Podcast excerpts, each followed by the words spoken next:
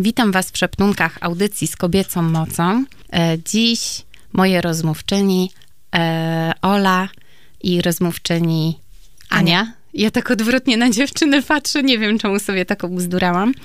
Dziś e, chciałybyśmy, z uwagi na to, że w kwietniu pochylamy się nad autyzmem, nad ludźmi, którzy są w spektrum i nad tymi wszystkimi, którzy wokół nich żyją. Dziś chciałybyśmy szczególnie pochylić się nad mamami. Mamami, które mają dzieci, e, dzieci, które są nadzwyczajne.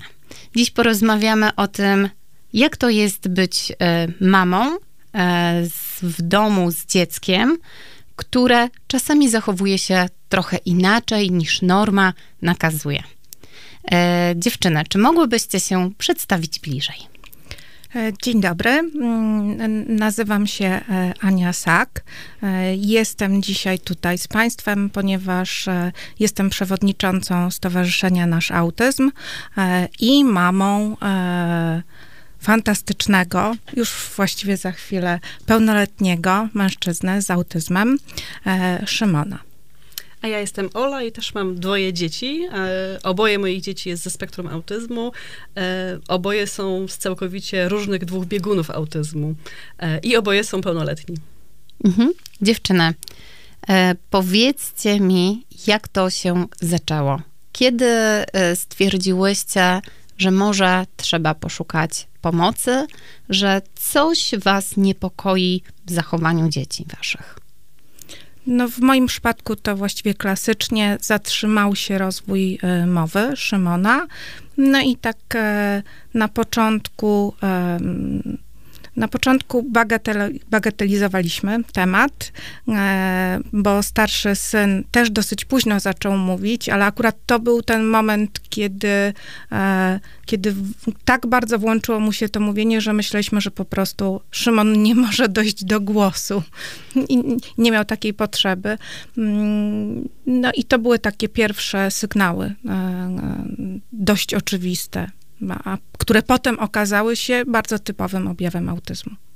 Mhm. U nas no. wyglądało trochę inaczej, bo um, córka moja była, um, rozwijała się od początku wolniej, um, a szczególnie rozwój mowy był e, mocno zaburzony z tego względu, że to, co my zauważyliśmy, to były echolalie, które niektórzy lekarze nawet nie potrafili mm, od razu rozpoznać, bo one były takie bardzo zakamuflowane.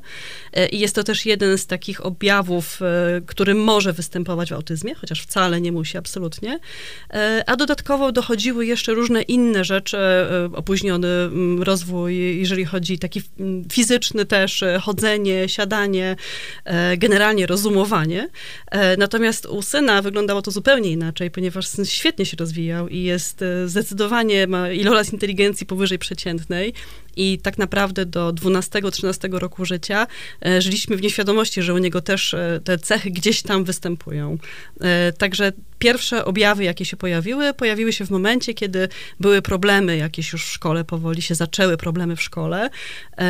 To nie były jakieś problemy, żeby to był jakiś łobuz na przykład, absolutnie. To były po prostu problemy takie z rozumieniem, z kolegami ogólnie. Nagle się okazało, że on nie lubi szkoły bardzo mocno, chociaż generalnie całkiem nieźle sobie radził w szkole.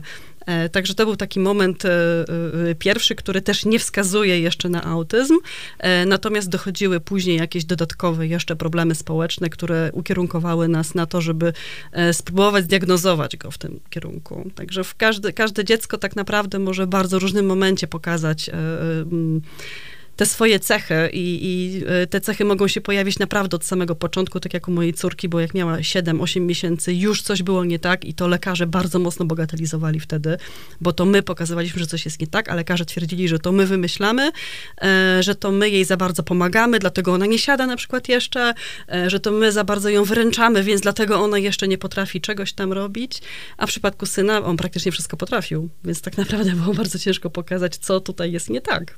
Mhm. E, czyli rozumiem, jak e, nas rodziców, e, nas mamy, bo dzisiaj skupimy się na e, mamach, tatusiowie, wybaczcie, dziś, dziś jesteście opoką, ale trochę dalej. E, jak zaczyna nas coś niepokoić, e, to powinniśmy zacząć szukać pomocy, diagnozy, Jak to działa w ogóle dziewczyny? No bo wam przyszło, mm, no może nie przyszło do głowy, tylko zaczęłyście mieć niepokoje i co wtedy? Y, zaczynamy od szkoły, że szkołę prosimy o skierowanie, czy szukamy pomocy na przykład w stowarzyszeniach? To zależy, w którym momencie to się mhm. wydarzy, tak? No jeżeli to jest e, rzeczywiście e, małe dziecko, półtora, dwa lata, no to najpierw kierujemy się do pediatry. W tej chwili już ta świadomość też jest większa i on powinien pomóc e, i skierować do odpowiedniego specjalisty.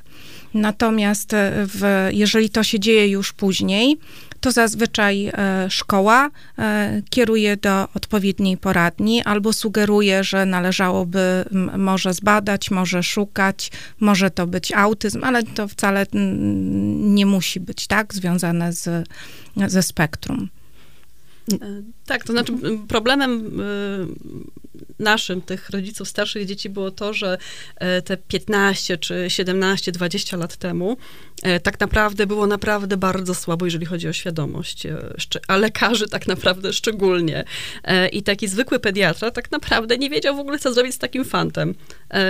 Mój lekarz, który był świetnym lekarzem, to był naprawdę super profesor pediatrii w ogóle. Myśmy szukali po prostu najlepszego z najlepszych w Gdańsku, do którego chodziliśmy od kiedy córka się urodziła. On w ogóle nawet nie wiedział, że istnieje coś takiego, jak na przykład um, ośrodek wczesnej interwencji dla dzieci. On po prostu nie wiedział, że coś takiego istnieje. Mhm. I dopiero my gdzieś tam dowiadując się, a wtedy jeszcze nie było tak internetu, nie było możliwości przeszukać forów internetowych, gdzieś tam się podowiadywać od innych osób, które mają ten problem, e, po prostu znaleźliśmy taki ośrodek i myśmy na nim wymusili, żeby dał nam skierowanie, bo tam było niezbędne skierowanie na przykład, tak? Zupełnie inna sytuacja już jest w tej chwili, wydaje mi się, że jest inaczej w tej chwili. Przede wszystkim jest dostępność takiej wiedzy ogólnej e, i można się dowiedzieć bardzo dużo od rodziców dzieci też, e, bardzo różny sposób. To są fora internetowe, internetowe, to są strony internetowe, to są różnego rodzaju spotkania. E, nawet w szkołach, e, u mojego syna w szkole były różnego rodzaju pogadanki dla rodziców e, też prowadzone. W przedszkolach są takie pogadanki też prowadzone, więc wygląda to trochę inaczej, natomiast to nie znaczy, że lekarz zauważy i lekarz nas pokieruje dalej. To tak naprawdę mama, tata, rodzice są tym pierwszym, tą pierwszą osobą, która widzi, że coś jest nie tak, to niekoniecznie jest autyzm, absolutnie. I w znakomitej większości będzie to po prostu jakieś drobne, chwilowe opóźnienie e, jakiegoś małego rozwoju, więc nie, nie trzeba się bać, że to na pewno na 100% będzie autyzm, bo tak nie jest. E, natomiast jeżeli już wiemy, że coś jest nie tak i faktycznie widzimy, że to dziecko się inaczej rozwija niż dzieci naszych koleżanek, to nie znaczy, że ma czytać w wieku pięciu lat i pisać, ale ma po prostu robić te podstawowe rzeczy i rozumieć podstawowe rzeczy, to wtedy udać się dalej i poszukać dalej. Dostępność do psychologów jest dużo większa w tej chwili niż była kiedyś też. No dobrze, to już jak mamy ten niepokój, e, wybieramy się do specjalistów, e, to powiedzcie mi, po co ta diagnoza? No bo e, ja wiem, ja mam świadomość, że rodzice często boją się diagnozy. Jak ich przekonać, że to jest potrzebne? W czym to może pomóc? I dzieciom, i tak naprawdę rodzicom. No bo mm, ja widzę taki społeczny opór, nie? Jakby mama zauważa, wszyscy dookoła zauważają, no ale coś jest nie tak, nie? Szczególnie przy tych starszych dzieciach, bo nad maluszkami to taki większy wachlarz um, rozpościeramy, żeby im było lepiej. Zastanawiamy się, ale idą do szkoły i, i na przykład e, do rodziców um, docierają sygnały, że to dziecko dziwnie zareagowało, że dziecko zachowało się w jakiejś takiej innej normie niż byśmy chcieli, a zna zasady. I rodzice dostają tak mnóstwo, mnóstwo mnóstwo sygnałów, a jednak jest duży opór. Jest taki lęk i strach przed tym, żeby dziecko zdiagnozować. E, moje pytanie jest takie: e, po co ta diagnoza? Jest diagnoza i co ona może pomóc? W czym ona może pomóc? Czego możemy oczekiwać jako mamy e, po tym, jak nasze dziecko ma e, diagnozę? Oczekiwać od szkoły, e, oczekiwać właśnie, może, może wtedy te stowarzyszenia też pomagają, czy, czy fundacje. Jeżeli, czy po co jest potrzebna diagnoza? Mhm. Jeżeli chodzi o szkołę, to dzięki diagnozie możemy mm, otrzymać tak zwane orzeczenie o kształceniu specjalnym i dzięki temu mm, mm, nasz, znaczy dziecko w szkole może otrzymać ukierunkowaną pomoc. To znaczy, że szkoła powinna rozpoznać wtedy jego potrzeby, te specjalne i takie wynikające e, z jego cech autystycznych e, i tak dostosować na sposób i metody nauczania, żeby jemu w grupie e, rówieśniczej było łatwiej i prościej. A nie na przykład karać za złe, dokładnie, w cudzysłowie, dokładnie. zachowania, zachowanie, tak? To tak? też jest większe zrozumienie wtedy, myślę, wśród kadry pedagogicznej, No bo, tak? bo wtedy kadra mhm. pedagogiczna Wie też wie, jakby też, e, znaczy jeszcze ciągle nadal zdarzają się nauczyciele, którzy negują i którzy uważają, że nie będziemy dostosowywać w żaden sposób ani metody nauczania, ani żadnej taryfy ulgowej. Natomiast e, wielu pedagogów też tak otwiera im się taka, takie okienko, że aha, tutaj będą, tutaj są specyficzne potrzeby, będę musiał w jakiś sposób inny dotrzeć, popracować, spróbować inaczej. Jeżeli mamy e, większe zaburzenie, może być to nawet dodatkowy nauczyciel, specjalny asystent, cień, różnie jest to nazywane, który będzie e, współuczestniczył e, w edukacji razem z naszym dzieckiem. Czyli będzie ta nauka e, bardziej komfortowa dla dziecka, tak? tak Bo ten tak. nauczyciel jest tak jakby na wyłączność tego dziecka, jest z nim on jest, on się pojawia dla tego dziecka, natomiast bardzo rzadko jest tak, że jest tylko na wyłączność, co jest zresztą całkiem normalne, bo przy dużej grupie, tak, ten nauczyciel może też udzielić pomocy y, innym, innym mhm. dzieciom, jeżeli jest oczywiście taka potrzeba. Moje dziecko było w bardzo specyficznej sytuacji. Byliśmy, był w klasie integracyjnej, gdzie na początku było dwóch e, autystów i dwoje e, innych dzieci z innymi niepełnosprawnościami i mieliśmy nauczyciela wspomagającego, bo to była klasa integracyjna, a nasi synowie mieli jeszcze dodatkowo nauczyciela cienia, który był psychologiem zatrudnionym specjalnie dla nich przez Czyli szkołę. było trzech nauczycieli na lekcji. Tak, były takie momenty, mhm. że na lekcjach było trzech nauczycieli. No i to jest, e, tak myślę sobie, cudowna sytuacja, bo jest wsparcie, wsparcie dla nauczyciela prowadzącego, cały tok lekcji i dla dzieciaków. No i, i właśnie. Po to jest między innymi diagnoza. Tak, tak, po... tylko też trzeba powiedzieć, że diagnoza to nie wszystko. Diagnoza to jest pierwszy, pierwsza rzecz, którą możemy zrobić, znaczy musimy zrobić, jeżeli chcemy dalej coś z tym robić też. W momencie, kiedy mamy diagnozę, tak naprawdę możemy ją schować do szuflady i nikomu o tym nie powiedzieć. Jest taka opcja mhm. i ja coś takiego robiłam sama osobiście. Yy są osoby, które bardzo długo nie będą w stanie przejść do tego na porządku dziennym, będą to negować, nie będą chciały, żeby dziecko było stygmatyzowane, żeby, żeby ktoś o tym mówił w ogóle, żeby ktoś się o tym dowiadywał. E, generalnie e, też e, najczęściej jest tak, że rodzice jak się dowiadują, dowiadują, że faktycznie coś jest nie tak, nawet jak jeszcze nie ma diagnozy, to zaczynają szaleć z terapiami. Bardzo często tak jest. I tych terapii się robi po prostu miliardy, szuka się tej swojej, która dla nas będzie najlepsza, która według nas będzie dawała największe efekty. E, I są rodzice, i ja też jestem takim przykładem, że uważam, że ja to tak wyrehabilituję moje dziecko, że w ogóle za 10 lat to nikt nie będzie widział, że coś jest nie tak.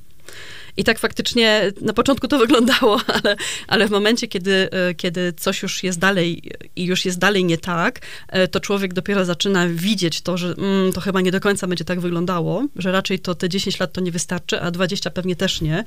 E, I wtedy dopiero gdzieś tam przechodzimy do jakiegoś takiego następnego etapu, że można coś zacząć następnego, innego robić. Często jest tak, że odpuszczamy tę terapię po prostu i okazuje się, że jakie fajne wakacje mieliśmy po prostu bez terapii. Po prostu wzięliśmy dzieciaki, pojechaliśmy, nie wiem, do Chorwacji i wydaliśmy te pieniądze, które można było wydać na jakiś strasznie drogi turnus, który tak naprawdę nic nie dawał, e, na po prostu super wakacje, jeszcze taniej nas to wyniosło tak naprawdę. Często no i budowaliście tak relacje tak, przy okazji. często nie? tak jest, chociaż oczywiście są też te, e, fakty, fan, fantastyczne terapie, gdzieś tam obozy, które faktycznie dają super efekty. Ja nie mówię, że nie, tak też jest.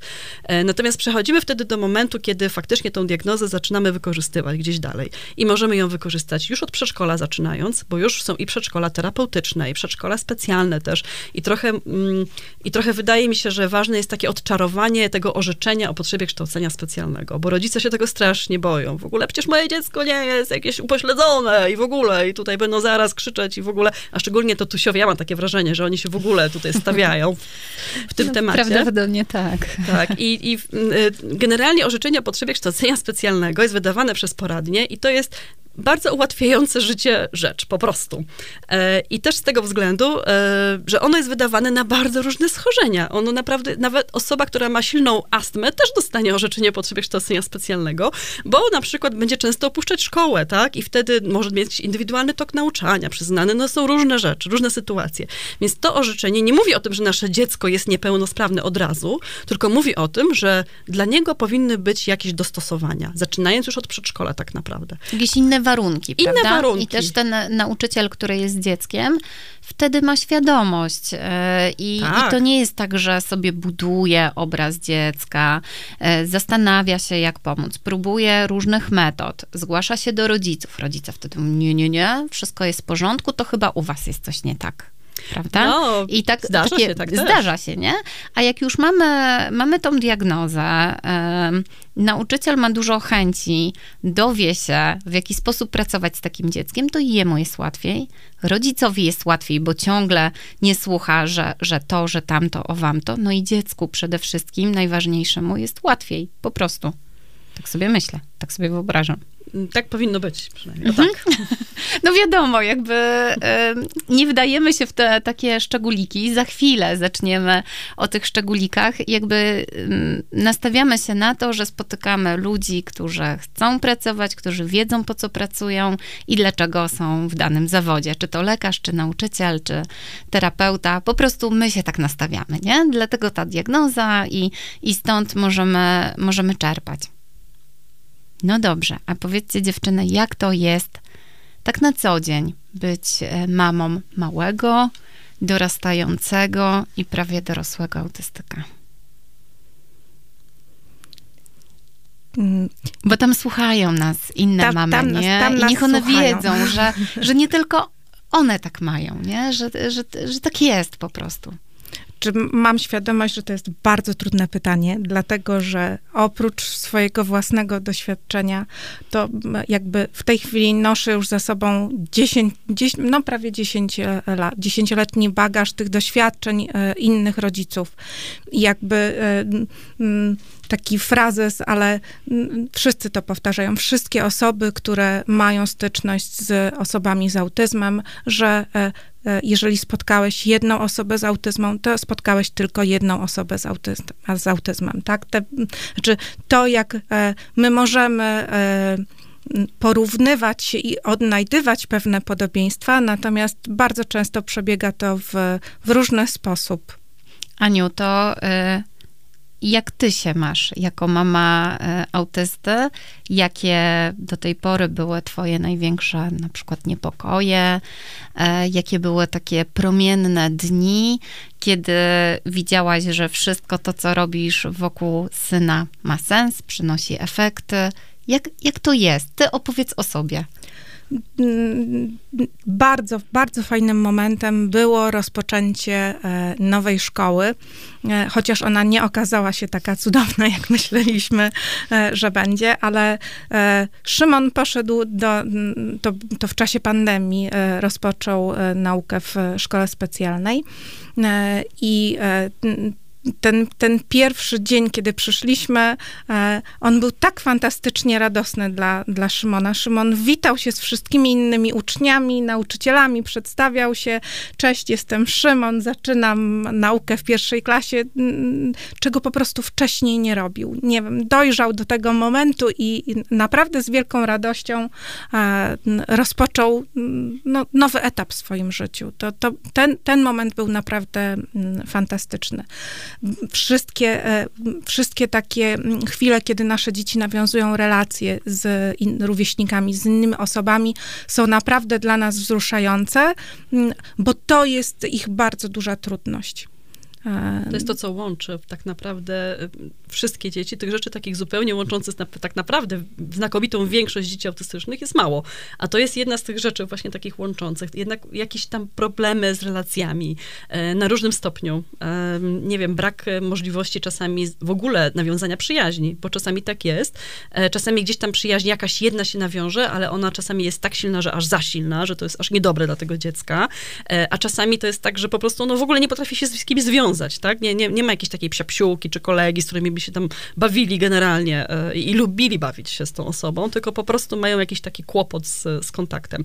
Chociaż bardzo często mają na przykład, e, e, są, nie wiem, moja córka na przykład jest uwielbiana przez, przez nauczycieli, bo ona jest po prostu wygadana i ona bardzo lubi z nimi rozmawiać na różne tematy i w ogóle jest świetna generalnie, jest po prostu strasznie sympatyczna, więc ona ze starszymi osobami naprawdę super się dogaduje, ale ze swoimi, z rówieśnikami, nawet jeżeli się dobrze dogaduje, to później wraca do domu i na przykład się denerwuje, że oni do niej coś piszą na komunikatorze, bo jej to przeszkadza, bo ona w tym czasie coś innego chce robić i to po prostu przeszkadza. Ona nie chce z nimi w tym momencie gadać i oni ją denerwują i ona potrafi brzydko odpisać nawet, tak, weź już się odczep ode mnie, przestań pisać do mnie.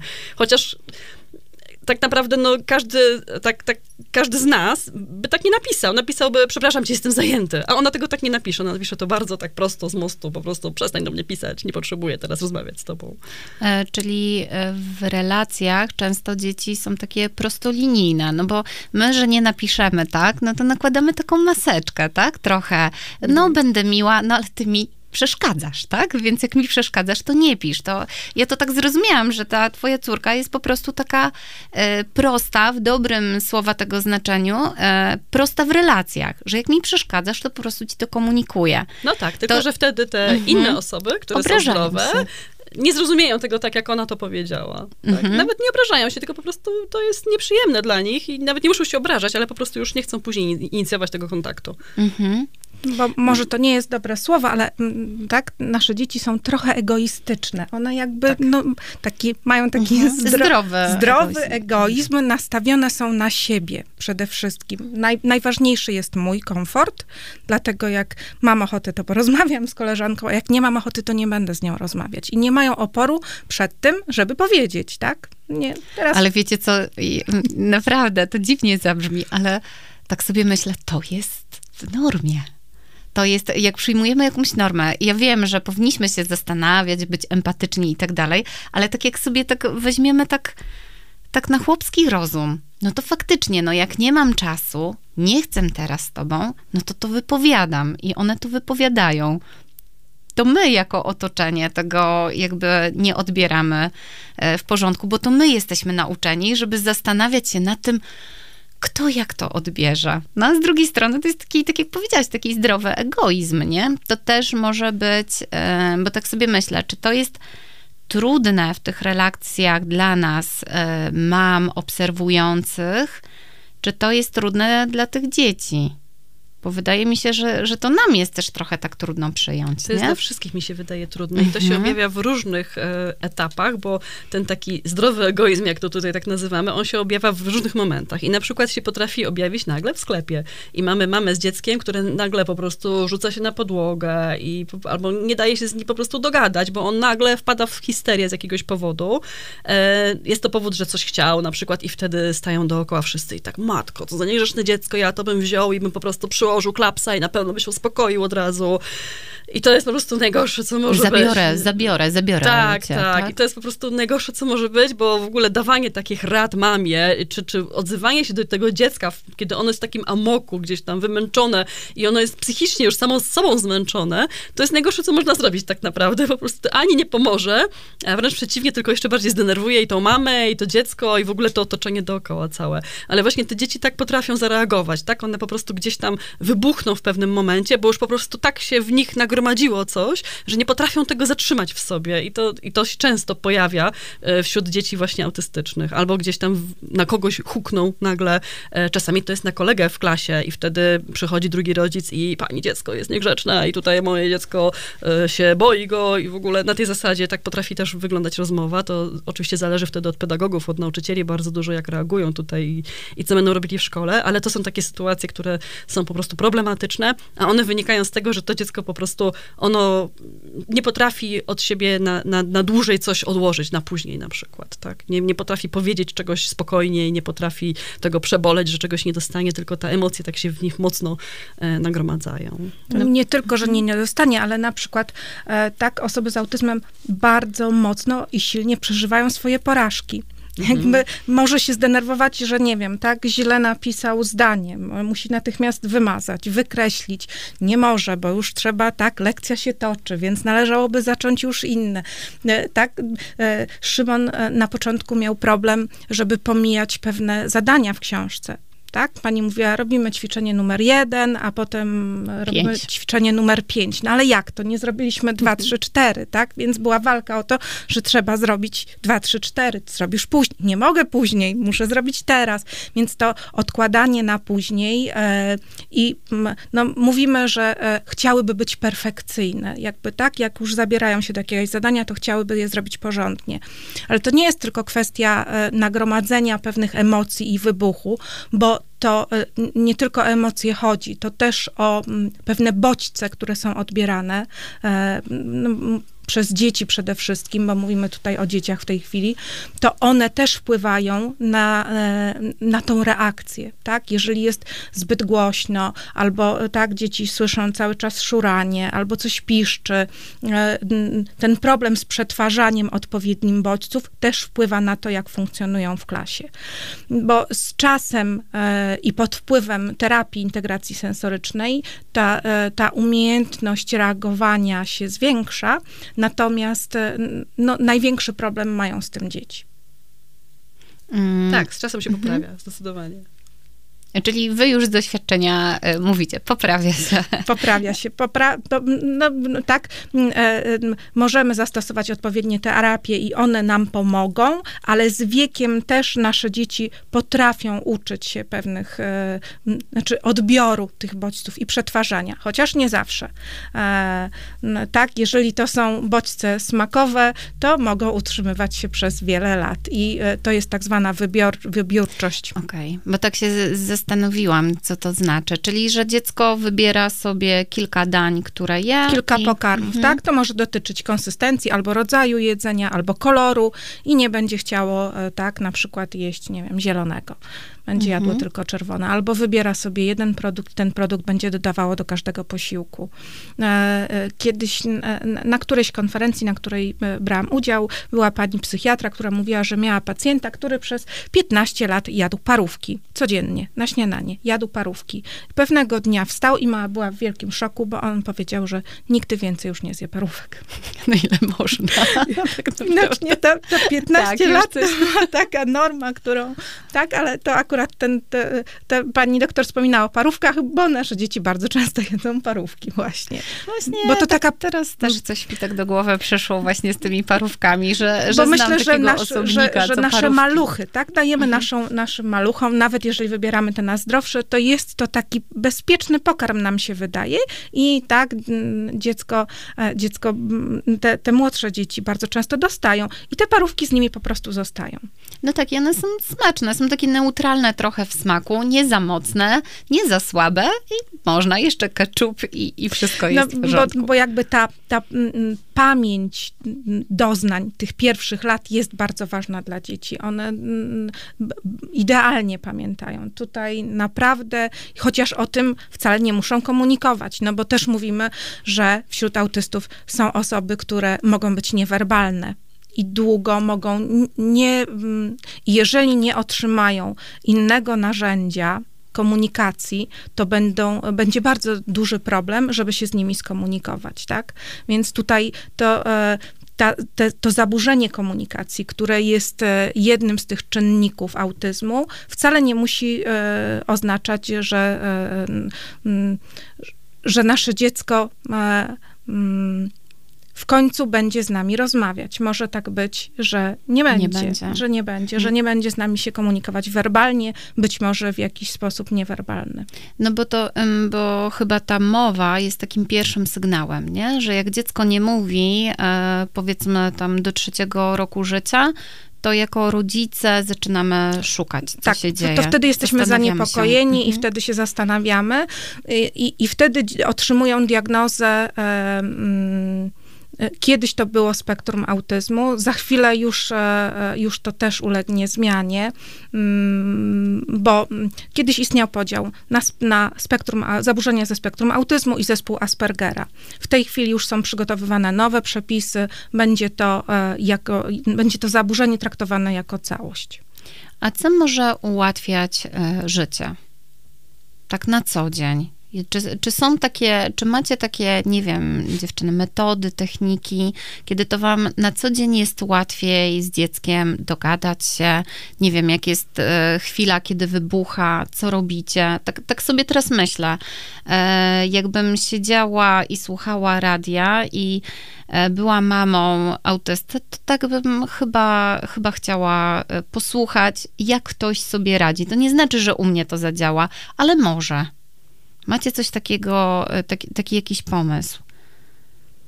Czy jakieś wyciszanie dzieci? E, e, czy są takie metody? Bo są metody, tych są, metod jest po prostu mm -hmm, tak mnóstwo, dużo. Wy tak dużo wiecie pewnie, że nie... Można, można no by o tym bardzo długo opowiadać, ale tak naprawdę każdy musi znaleźć sposób na swoje dziecko. Tutaj nie ma jednego Czyli trzeba szukać. Trzeba szukać i są... Um, tak naprawdę w pewnym momencie zaczyna się odchodzić od, od, od jakichś takich um, nie wiem jak to powiedzieć. Złotych rad? Złotych rad, dokładnie. Nie wiem, na przykład odstawienie cukru u dzieci. No to jest faktycznie mhm. bardzo zdrowe, bardzo dobre. I jest A to, czy to pomaga? To pomaga, faktycznie mhm. pomaga w życiu, w ogóle to pomaga generalnie, no tak? tak nie trzeba być autystą, Nie trzeba być autystą, pomagało. żeby to pomagało, dokładnie tak. E, na pewno na koncentrację też to będzie pomagało, aczkolwiek e, czy jakieś jednorazowe odstępstwa e, zaburzą cały ten proces? Ja jestem już na takim etapie, że nie, że tak naprawdę jeżeli faktycznie sposobem na moje dziecko będzie, nie wiem, będą lody albo będzie żelka jakaś, no cokolwiek, bo coś, co bardzo lubi. I będzie to dla niego takim bardzo motywujące do działania, do pracy nad różnymi rzeczami, to ja będę z tego korzystać w tej chwili. Chociaż byłam na etapie, kiedy moje dziecko było na diecie bezmlecznej, bezglutenowej, bezcukrowej, bezjajecznej.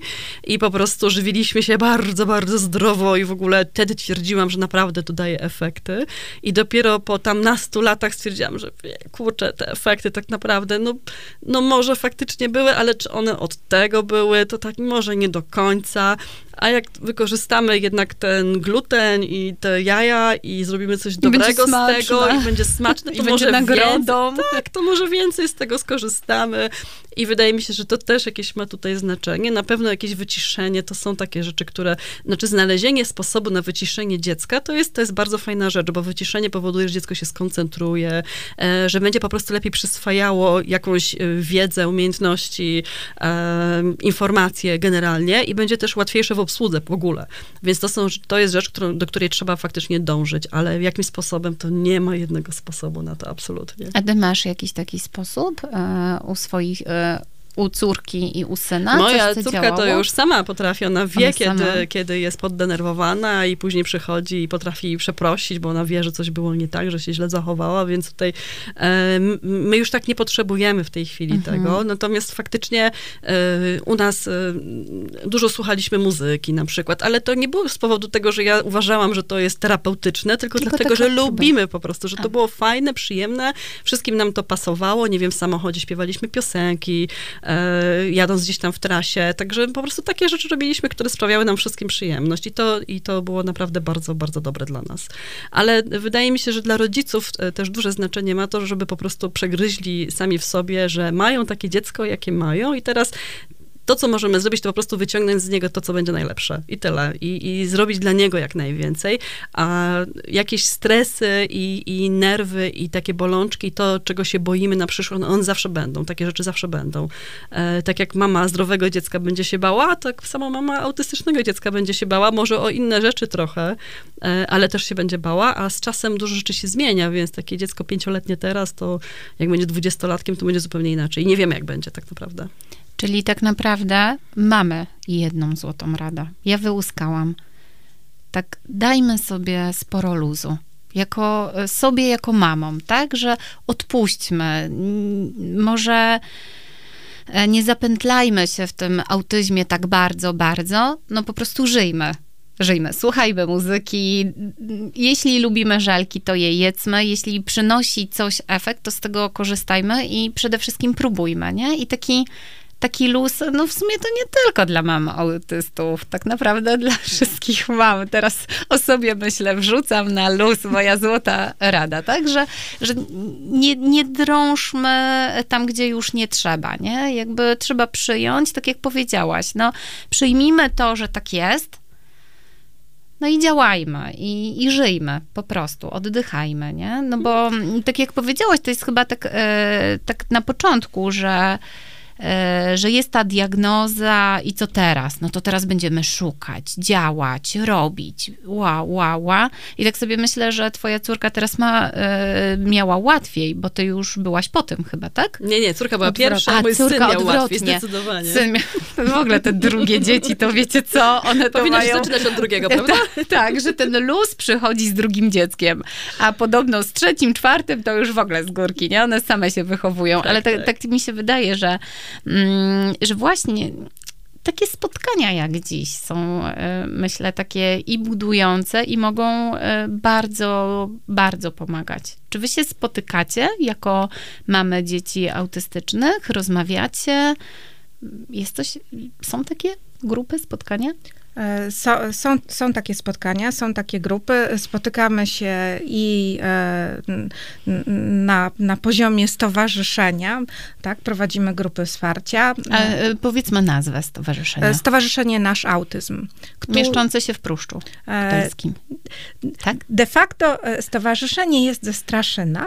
O, Nawet jacie. samej mediateki. Stąd. O jacie. I ja tego nie wiem, przepraszam, nikt tego nie słyszał, nikt tego nie słyszał. Natomiast więc już wiemy, gdzie szukać. Natomiast jakby e, tutaj, tutaj jesteśmy zarejestrowani, natomiast działalność e, głównie prowadzimy rzeczywiście w Pruszczu Gdańskim, e, no jako takim największym ośrodku tu w regionie. Tam mamy punkt konsultacyjny, tam odbywają się właśnie i dyżury dla rodziców, i spotkania dla rodziców, i nawet od jakiegoś czasu zajęcia dla e, naszych dzieci. Zresztą tak się poznałyśmy, bo organizowałyśmy e, zbiórkę e, pieniędzy na działalność działania stowarzyszenia. E, natomiast e, spotykamy się też zupełnie prywatnie. ja jestem, ja, ja lubię kino, lubię literaturę, więc tu od jakiegoś czasu staram się dziewczyny też wyciągać e, do kina. Dziewczyny wyciągają mnie na kawę, więc też już jesteśmy na takim, na takim etapie, że tak pomagamy naszym dzieciom, ale pomagamy też sobie. No tak sobie myślę, no bo jak jesteśmy z jedną bolączką razem, to to, że sobie tam czasami nawet zabluzgamy na te dzieci, czy na te okoliczności, co tam się wydarzyło, to wydaje mi się, że jest większe po prostu zrozumienie, nie? Że, to, że to nie jest mama, która mm, ma trochę inaczej poukładane w domu i ona tak do końca, no może nam przytaknąć, ale jakby jak nie poczujemy, tak sobie myślę, na, na swojej skórze, y, to możemy być bardzo empatyczni, ale to nie jest takie, nie? To ja tak sobie myślę, że fajnie jak mamy między sobą y, będą się wspierały właśnie wyjście do kina, porozmawianie, e, jakieś takie spotkania, bo rozumiem, że mm, ktoś, kto nas słucha, ma dziecko autystyczne, to może się do was zgłosić i do takiego stowarzyszenia należeć.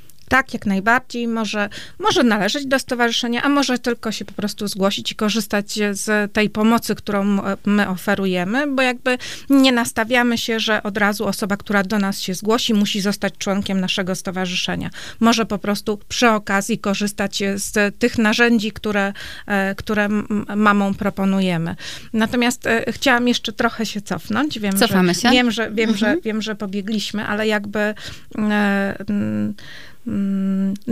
jeżeli chodzi o złoty środek, to tak naprawdę e, w końcu jako rodzic znajdziemy sposób na to, jak uspokoić nasze dziecko, e, jak się. E, mm, natomiast mm, najpierw musimy rozpoznać, dlaczego coś się zadziało i dopiero, w, znaczy, możemy doraźnie próbować go uspokoić. Natomiast jeżeli nie znajdziemy przyczyny, to będzie bardzo trudne i będzie to narastało. Więc jakby to rozpoznanie jest najważniejsze. A y, takim y, kluczem do tego rozpoznania jest zbudowanie relacji z dzieckiem. I to jest to, to zbudowanie, z którym ono ma problem, bo to jest ta cecha autystyczna, to jakby my musimy jeszcze więcej cierpliwości wykazać i takiego y, zrozumienia i umiejętności, czego nam brakuje rodzicom, dlatego zajmuje nam to tyle czasu.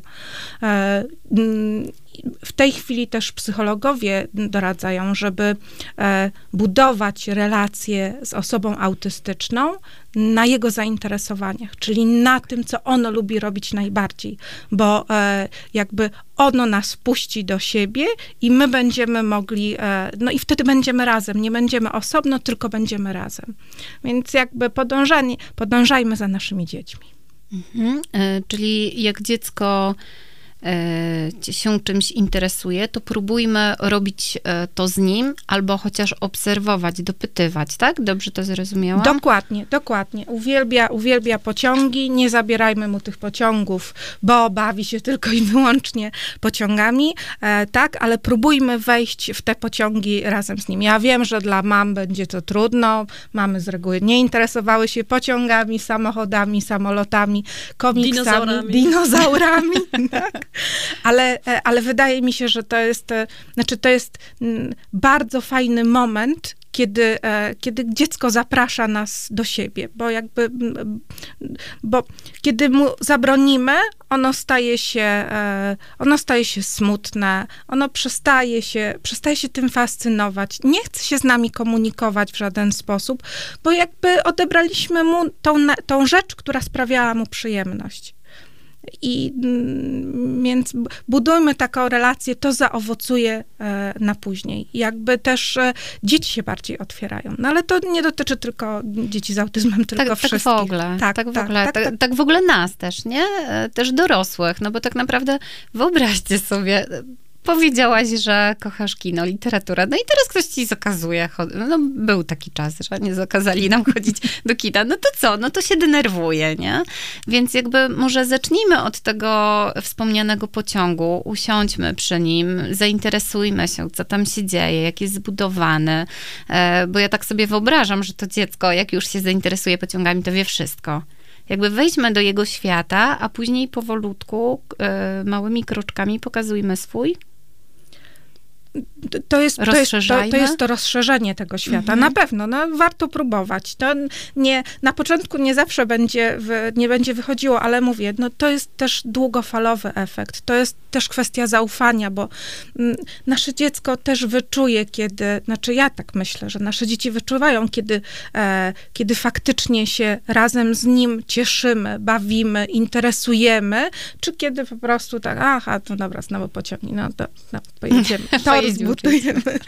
No tak, ale wiesz, jak się nie znosi pociągów, to weź to wykazuj entuzjazm, no, nie? No to, ale, ale, ja myślę, że... Małymi kroczkami Tak, można, że, że, ma, że, ma, że mały krok, że no, kiedy ono będzie już opowiadało o pociągach i recytowało numery tych pociągów i daty, kiedy zostały wyprodukowane i kto je wymyślił. Znało rozkład jazdy. Tak, zna, znało rozkład jazdy. To, tak, znaczy, to też są te momenty, przychodzą takie krytyczne momenty dla mamy, że myślę sobie, ojej, mam już zupełnie dosyć. No, ale ale to, to jest jak, tak jak w życiu, tak? To są e, górki i dołki i mm, jest, e, jest fajniej, jest trudniej. Ka każda z nas to przeżywa. Dlatego też, mm, tak, jak się spotkamy, możemy o tym porozmawiać, tak? O tych trudnościach, ale też i o tych, e, o tych fajniejszych rzeczach. Wydaje mi się, że w najgorszej sytuacji to są tak naprawdę, najczęściej są to mamy, bo najczęściej z dzieckiem zostają mamy na przykład w domu,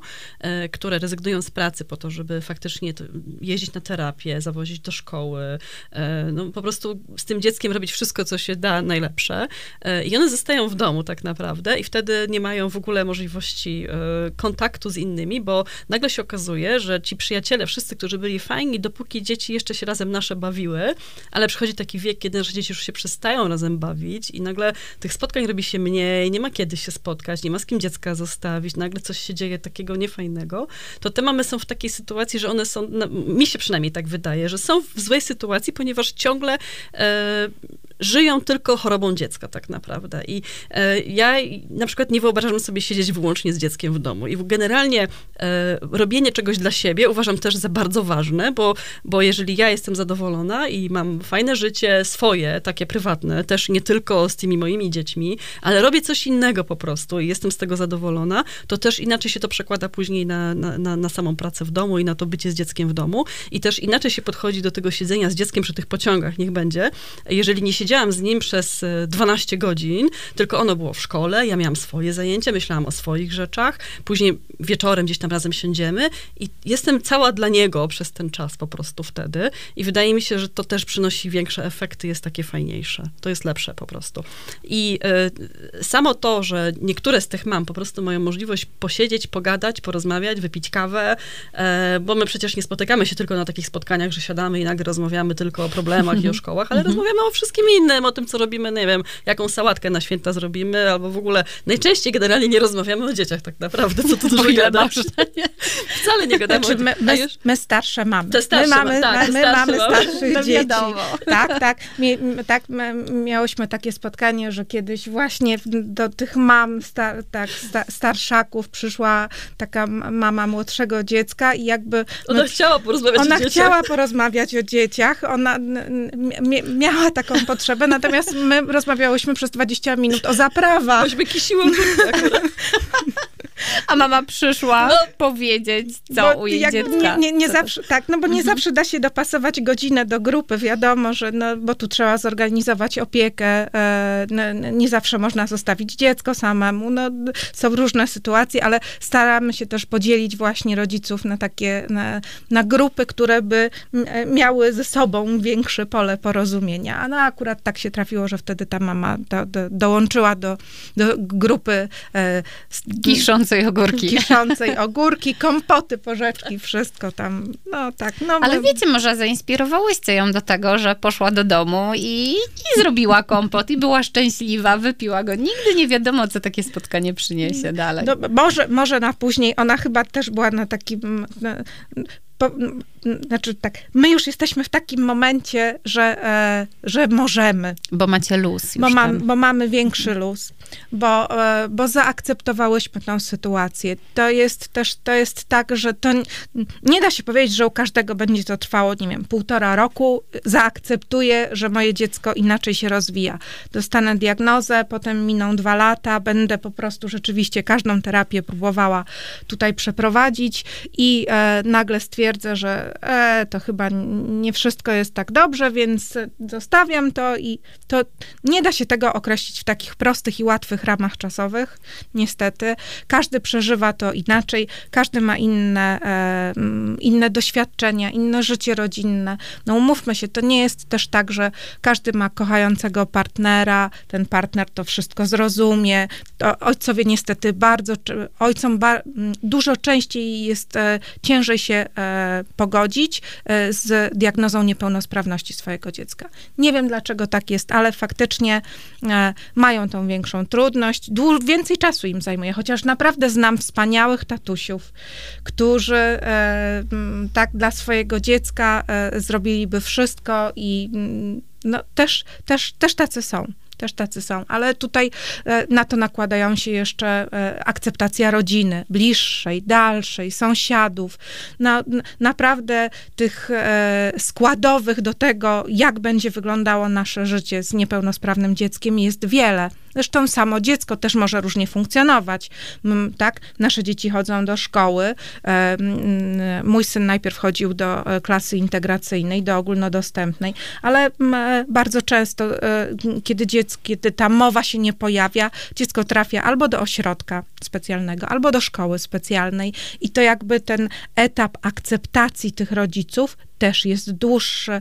No oni muszą pożegnać się ze swoimi marzeniami, które mieli, tak, mieli na początku i na pewno jest im trudniej. kiedy porównują się tak do, do takich autystów albo e, dzieci z zespołem Aspergera, które, które mówią, które komunikują, które rozwijają się, nawet tak, nawet są w normie intelektualnej albo ponadprzeciętnym, mają jakieś swoje fascynacje, to na, naprawdę rodzicom też jest trudno, kiedy porównują swoje dzieci. Czyli czasami lepiej spotkać się i porozmawiać o tych kompotach, niż rozmawiać o dzieciach i, i wtedy porównywać w jakiś sposób. Nie daj Boże układać sobie w głowie już plan, nie? Bo ty tak miałaś, u ciebie tak to przebiegało, to u mnie też tak będzie. Być może a co tak jak będzie. nie będzie? Tak, nie? a co jak nie będzie? To jest, to jest, to naprawdę jak przychodzą rodzice, to jest im jeszcze trudniej czasami, tak? Pierwszy moment na pewno jest taki, że spotkamy się z kimś, kto ma dziecko starsze od naszego o dwa lata i bardzo sobą funkcjonujące i tak się możemy zastanawiać, o kurczę, jak u nas tak będzie, to co ja zrobię? Ja, ja nie chcę, żeby moje dziecko takie było, po prostu nie chcę. E, nie wiemy, co będzie za dwa lata. W ogóle, absolutnie. Nie wiemy, co będzie no za jasne. rok, nie wiemy, co będzie za 10, co za 15 lat, tego nie wiemy po prostu. E, natomiast e, też zebranie się w grupie rodziców daje możliwość przedyskutowania niektórych rzeczy. Właśnie znalezienia tego środka, co działało na moje dziecko i ja ci mogę powiedzieć, co zadziałało w takiej i takiej sytuacji na moje dziecko. I czasami są to rzeczy naprawdę bardzo takie, no zupełnie, o których by nikt nie pomyślał, tak? No nie wiem, ja jedną z mam przekonałam kiedyś, jeszcze już jakiś czas temu to było, moja córka bardzo długo nie potrafiła pisać. Nie potrafiła nauczyć się polskiego alfabetu, który jest alfabetem bardzo trudnym, bo literka A, duża literka A pisana, jak dzieci w pierwszej klasie się uczą, to jest naprawdę trudna literka. F to jest naprawdę bardzo trudna literka do napisania. I moja córka po prostu nie potrafiła. Ona znała literki e, drukowane, pisane przeze mnie też znała, ale sama jej ręka nie była w stanie napisać takiej litery. I ja wprowadziłam jej po prostu alfabet bardzo uproszczony, amerykański, gdzie literka A to są prostu kreski, gdzie litera mała a to jest kółko z kreską, dosłownie bardzo uproszczony alfabet. I to zatrybiło i ona nagle zaczęła pisać. Ona do tej pory niektóre litery tak pisze, a niektóre pisze już całkowicie alfabetem polskim, ale pisze bardzo dobrze i, i, nie ma problemu z tym żadnego. Natomiast problem był z tym, żeby nauczyciela przekonać do tego, tak? To było tam naście lat temu. Nauczyciel uważał, że w Polsce mamy taki i taki alfabet i co z tego, że ona ma orzeczenie, ona się musi nauczyć alfabetu. I teraz przekonałam jedną z mam, weź spróbuj po prostu, akurat nie chodziło o pisanie, u niego było coś tam innego, nie, inna sprawa była, ale weź spróbuj znaleźć po prostu łatwiejszy sposób, żeby do niego dotrzeć e, z tym tematem. I się okazało, eureka, po prostu tym innym sposobem się udało dotrzeć do tego dziecka i nagle się okazało, że on później w ogóle tak zatrybił, że w ogóle machnął ten temat, że, że już nie trzeba było w ogóle go poprawiać. Tak? Są też dzieci, nie wiem, które po prostu nie znają zegara. Moja córka nie zna zegarka. I nie będzie prawdopodobnie nigdy tego zegarka znała. I my musimy z tym żyć. I co, co na każdych zajęciach, jakie dziecko... Tarczowego. Tarczowego, tarczowego zegarka. No w sumie teraz tyle tych zegarów tarczowych wszędzie dookoła nas, że... Ale, ale nadal dzieci ale się uczą. Są. I no, dzieci w szkole mają z tego sprawdziany, mają oceny, zaczynają języka angielskiego się uczyć, co jest na jednych z pierwszych lekcji? Cyferki i zegarek i godziny są w szkole. Nawet w pierwszej klasie dzieci mają już godziny po angielsku. I moja córka po prostu tego nie umiała nigdy. Natomiast ma zegarek elektroniczny, na którym po prostu wszystko zrobi. Ona policzy wszystko, ona jeździ sama autobusem, wyliczy sobie ile czasu. Natomiast cały czas nie obrabia tego zegarka zwykłego. No i co zrobić? Trzymać ją na tym etapie edukacyjnym cały czas uczenia tego zegarka No nie, no to jest bez sensu. Po prostu musieliśmy przeskoczyć ten etap i pójść do tego zwykłego zegarka takiego, że wyświetlają się cyferki. Ile mamy zegarków? Trzy? Dwa? Trzy.